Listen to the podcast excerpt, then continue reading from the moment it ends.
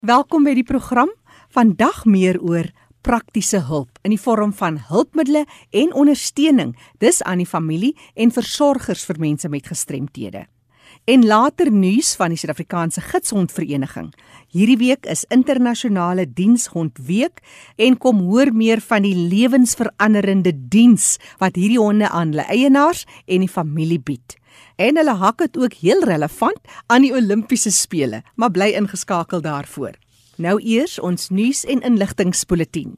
Hurdy Gurdy Tuisorghuis is 'n nuwensgewende organisasie wat na inwoners wat met outisme leef kyk. Hulle is die enigste van sy soort in die hele Wes-Kaap. Die inwoners kan nie na hulle self omkyk nie as gevolg van emosionele uitbarstings en hulle sukkel om in hulle huislike omstandighede aan te pas. En daarom dan die voltydse sorg. Om na die inwoners te kyk kos baie geld en hulle vra nou van die publiek hulp in die vorm van donasies en skenkings.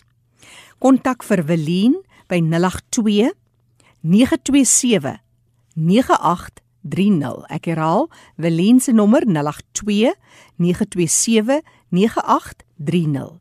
Of jy kan 'n e-pos stuur na facilitym@hgh@gmail.com.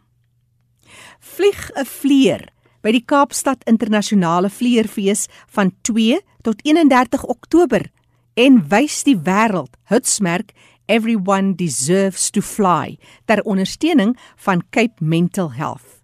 Daar is 'n kombinasie van aktiwiteite, beide aanlyn en ook in lewende lywe, insluitende vleerbou werkswinkels en gesprekke met internasionale deelnemers en openlig vlieggeleenthede as ook 'n opwindende kompetisie. Ondersteun Cape Mental Health, dis vir 'n goeie saak. Dis vir lewensbelangrike geestesgesondheidsdienste aan behoeftiges. Vir meer inligting, gaan na www.capementalhealth.co.za vorentoe skuinstreep everyone deserves to fly of volg by CT Kitefest op sosiale media. Die Light and Healing Center is 'n nuwensgewende organisasie wat blinde en swaksiende persone oplei as aromaterapie masseerders. Die naam Light and Healing Center manifesteer die boodskap wat hul prestasies beweeg van die duisternis na die wonderlike lig en die intuïtiewe aanraking en die diep luistervaardighede van die terapeute veroorsaak dat kliënte weer en weer terugkom vir behandelings. Skakel Light and Healing Center Kaapstad kode 021 761 9507 maak jou afspraak. Vir meer inligting oor die werk wat hulle doen, gaan na www.lightandhealing.co.za of gaan kyk bietjie na Facebook Light and Healing Center. Vir enige navrae kan jy gerus vir my 'n e e-pos stuur, Jackie@rsg.co.za. En nou sluit ons aan by Fanie de Tooi in die Kaap. Baie dankie Jackie. Vandag het ek hier voorreg om te gesels met Marianne Jese. Welkom by RC Marian. Baie dankie Fani, dit is lekker om hier te wees. Vertel ons meer waar jy werksaam is by Shona Koop Social Enterprise en Uhambo Foundation. Ja, so die Shona Koop Social Enterprise of ons noem dit kort die SSE is 'n organisasie wat werk tot die insluiting van persone met gestremthede.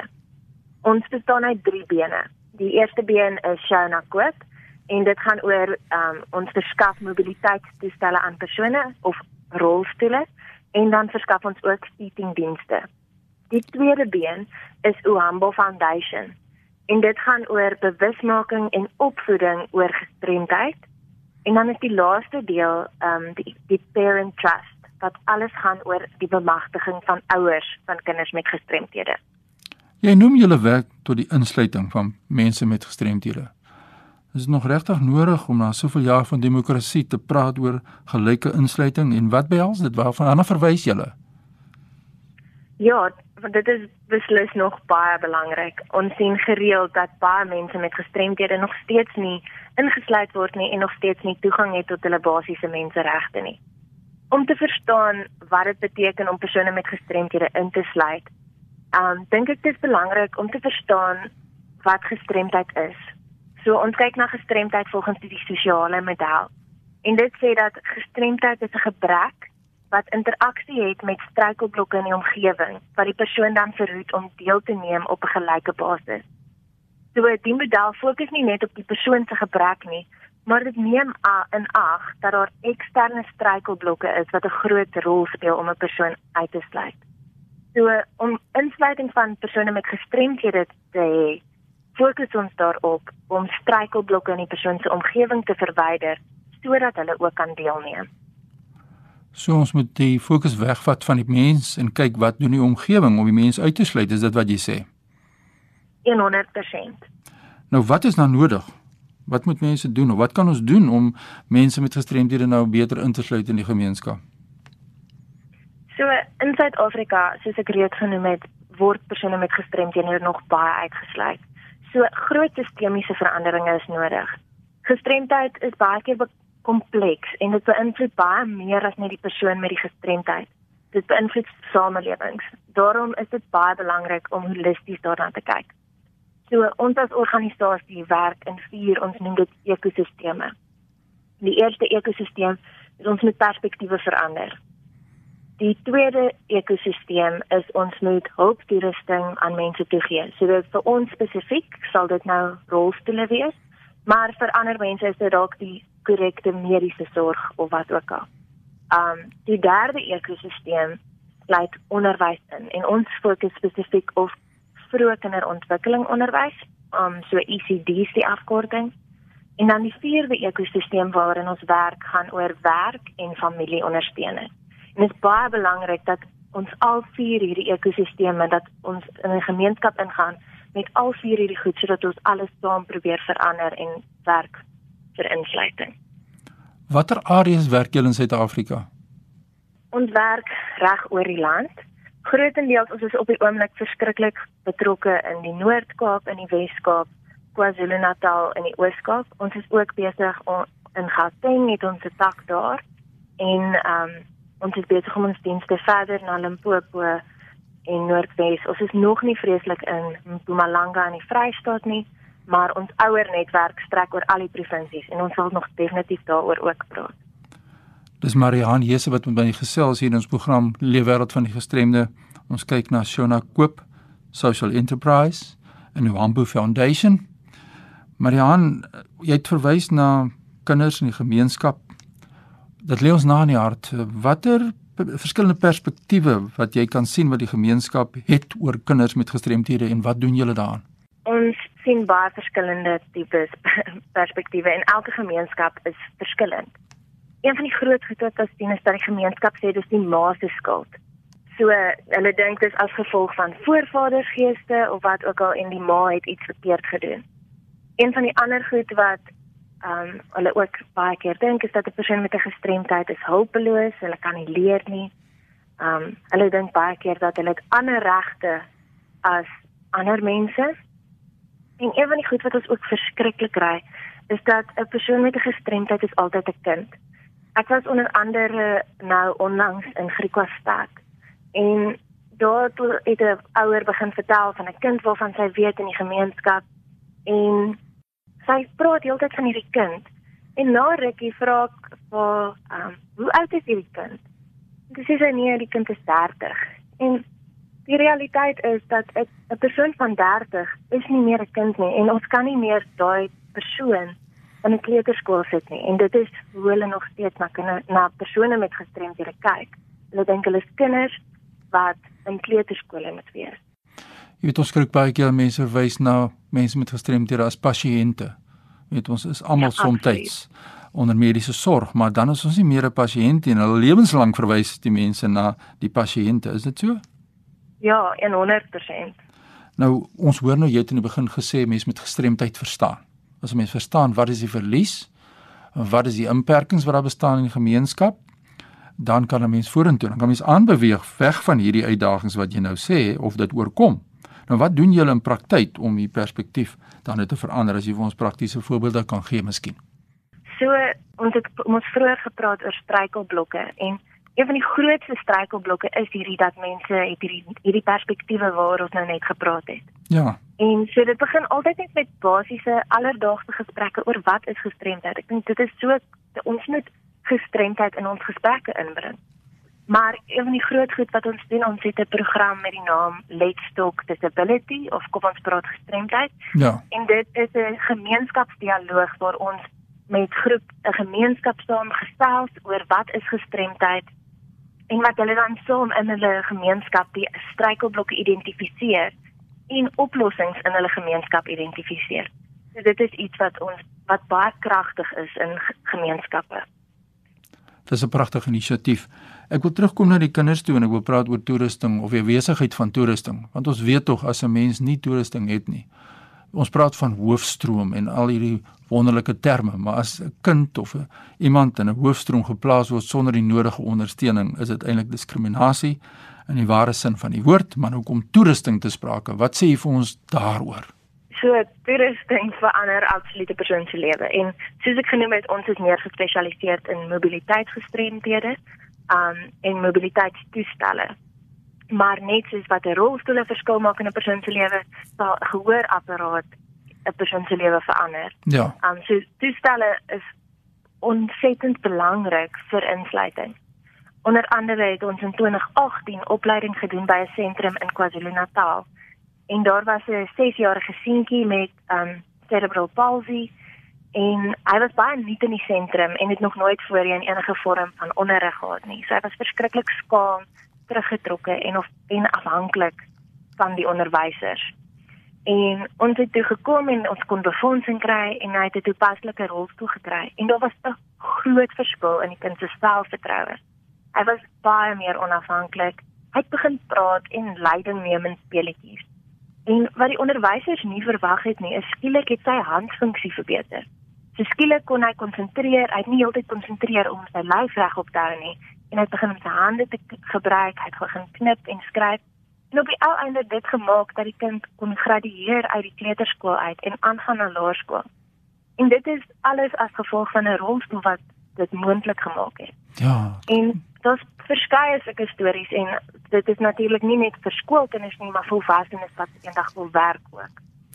Nou ja, nou hoor ons wat die verskil wat julle maak as iemand nou voel hy wil dalk 'n kind help met 'n rolstoel. Is daar 'n moontlikheid dat mense kan 'n rolstoel verskaf aan kinders en met julle werk om dit beskikbaar te stel? Ja, so daar is definitief 'n groot nood in in ons land vir befondsing vir rolstoele.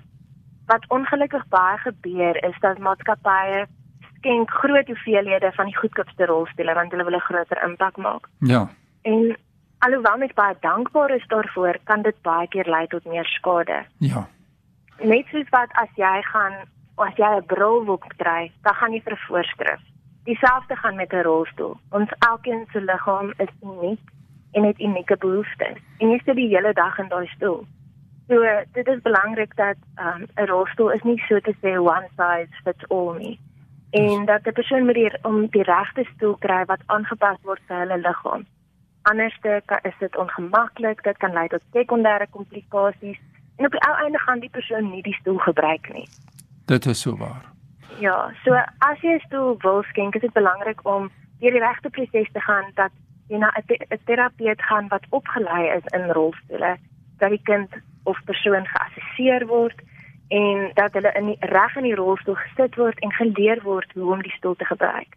So indien iemand enigsins belangstel om rolstoele te skenk, kan jy by jou plaaslike terapeute uitvind hoe dit werk of hulle kan selfs met ons kontak maak en ons kan 'n pad vorentoe stap. Nou ja, ons wil daai kontakbesonderhede gee vir ons nou jou kontakbesonderhede waar mense julle aan die hande kan kry.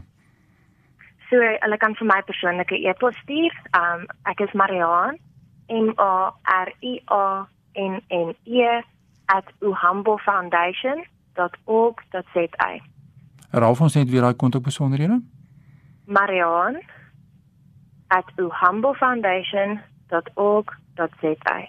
Nou ja, Mariaan, volgende week wil ek verder met jou gesels en dan wil ons kyk na kinderseets, maar ons wil kyk na strukture wat bestaan om ouers te ondersteun en sovoorts en nou werk wat julle in die landelike gebiede van Suid-Afrika doen. Dankie dat jy met my gesels het. Volgende week praat ons verder. Groetens van ons kant die WRSG. Baie dankie. Lekker dag verder. Ja, so moet ons die rolspelers bekendstel wat 'n verskil maak en ons weet waar kan ons skenkings doen en waar kan ons mense help om hul omstandighede te verander. Mense met gestremthede in hierdie geval. Indien jy e-pos wil stuur aan my, my e-pos is fani.dt by mweb.co.za. Groetens uit Kaapstad. Baie dankie aan kollega Fanie de Tooi daar uit die mooie Kaap. Onthou die program is beskikbaar as 'n potgooi. Jy kan weer gaan luister. Gaan na rsg.co.za, klik op potgooi en onder 11 vir leefwêreld van die gestremde. En nou 'n wonderlike inisiatief om meer aandag en fokus te plaas op die gidshonde. Ek gesels met Jolandi van Rooyen. Sy is van die bemarkingsspan, dis vir die SA Gidshonde Vereniging en sy is passievol oor die werk wat hulle doen. Jolandi, vertel ons oor julle nuutste inisiatief. Goeiemiddag Jackie en goeiemiddag luisteraars. Baie dankie vir hierdie geleentheid. Ek is verskriklik opgewonde om vir julle te vertel van wat die SA Gidshonde Vereniging vir Blindes met julle wil deel hierdie eerste week van Augustus. Nie net is dit die Tokio Olimpiese spele nie, maar dit is ook internasionale dienshondweek. En ons het sommer besluit om 'n groot ophef te maak van beide hierdie internasionale geleenthede. En ons stel graag ons eerste leerling hondjie spele bekend. Vanaf 1 tot 8 Augustus is dit dan nou internasionale dienshondweek. So dit begin nou vandag.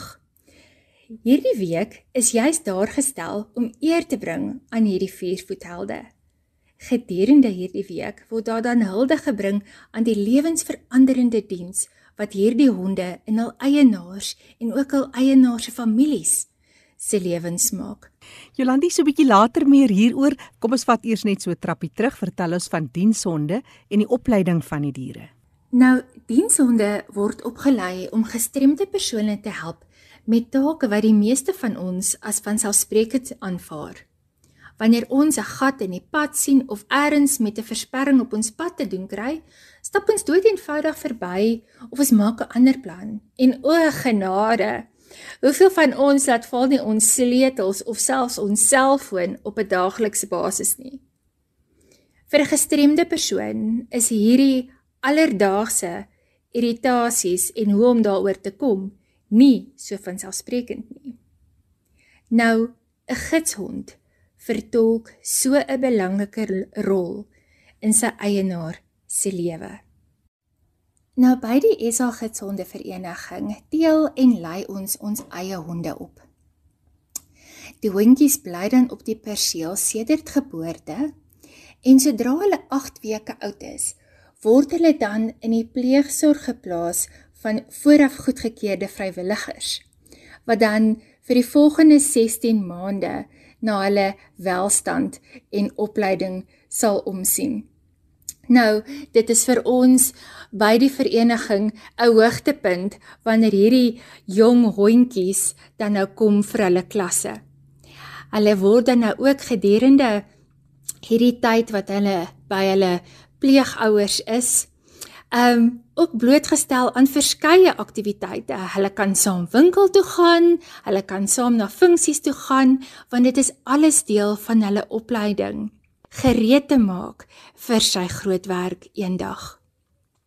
So na 16 maande keer hierdie hondjies dan nou terug na die opleidingsperseel van ons vereniging waar hulle dan nou um aanmeld vir hulle formele onderrig met 'n afrigter. Jolandi, 'n interessante deel is dat hierdie honde word in spesifieke rigtings opgelei. Vertel ons meer daarvan. Daar is dan nou drie verskillende tipe beroepe waarin ons honde opgelei kan word. Gidshonde vir visueel gestremdes verrig dan 'n baie belangrike taak en dit is om hulle eienaar veilig verby enige hindernisse en versperrings te lei. Hulle word ook geleer om te luister na verkeer sodat hulle die pad ook veilig kan oorkruis. Hulle word ook geleer om bevele uit te voer, soos byvoorbeeld wanneer die gidshond eienaar ergens wil heen gaan, soos byvoorbeeld: "Kry vir my die stoel, wys vir my die trappe." Ek was verstom toe ek eendag saam met 'n gidshond eienaar en sy gidshond in 'n baie groot winkelkompleks was. Shogun het dadelik die roltrappe gevind en met die wêreldse selfvertroue daardie roltrap genavigeer en presies geweet waar om sy eienaar heen te stuur. Dan is daar ook ons dienshonde wat dan help om fisies gestremdes die lewe makliker te maak. Deur vir hulle deure oop te maak en selfs toe te maak, voorwerpe nader te trek of weg te stoot en dan ook items op te tel of te gaan haal. So hierdie honde is beslis van nut vir iemand wat soos ek gereeld my selfoon en my sleutels laat val. Dan het ons ook dienshonde wat geweldige hulp verleen aan kinders met outisme. Ons vind dat daar 'n baie hegte band gevorm word met die kind en hierdie dienshond is dan spesifiek ook van hulp veral wanneer hulle dalk in 'n winkelkompleks ingaan en die kind dan sommer net sy eie rigting wil ingaan. Daardie hond verrig dan die taak om soos 'n stewige pilaar te dien vir daardie kind om dan ook vir hulle van waarde te kan wees. Ag wat 'n wonderlike inisiatief en die hele wêreld van gidshonde vir mense wat leef met blindheid en ander uitdagings. Maar vertel ons nou meer oor hierdie inisiatief spesifiek in hierdie tyd. So Jackie, met dit alles gesê, wil ons graag op 'n visuele en dan ook komiese wyse vir die publiek wys waarmee ons besig is en waar die loopbaan van 'n dienshond dan nou eintlik begin. En luisteraars kry dan elke dag die geleentheid om te sien hoe hierdie kampioen honde in verskeie aktiwiteite met mekaar meeding, net soos in die Olimpiese spele. Daar is heelwat naalbyt oomblikke, veral in die swem, hindernis en gehoorsaamheid kategorieë. Ons het dit ook goed gedink om op 'n visuele wyse vir ons ondersteuners te wys dat hierdie gidshonde ook honde is Sodra die harnas afkom, is dit speeltyd en rustyd en ook om dan met die huishouding se ander viervoet vriende mee kennis te maak en dan te speel. Jolandi van Rooyen is van die bemarkingsspan vir SA Gidshonde en hulle inisiatief. Wat 'n wonderlike ding. En jy kan hulle volg op Facebook. SA Guide Dogs Association for the Blind gaan soek so bietjie. Jackie, ons hoop dat iedereen elk sal inskakel hierdie eerste week van Augustus waar hulle dan nou ook sal sien wat ons by die SA Gidsonde Vereniging aanvang.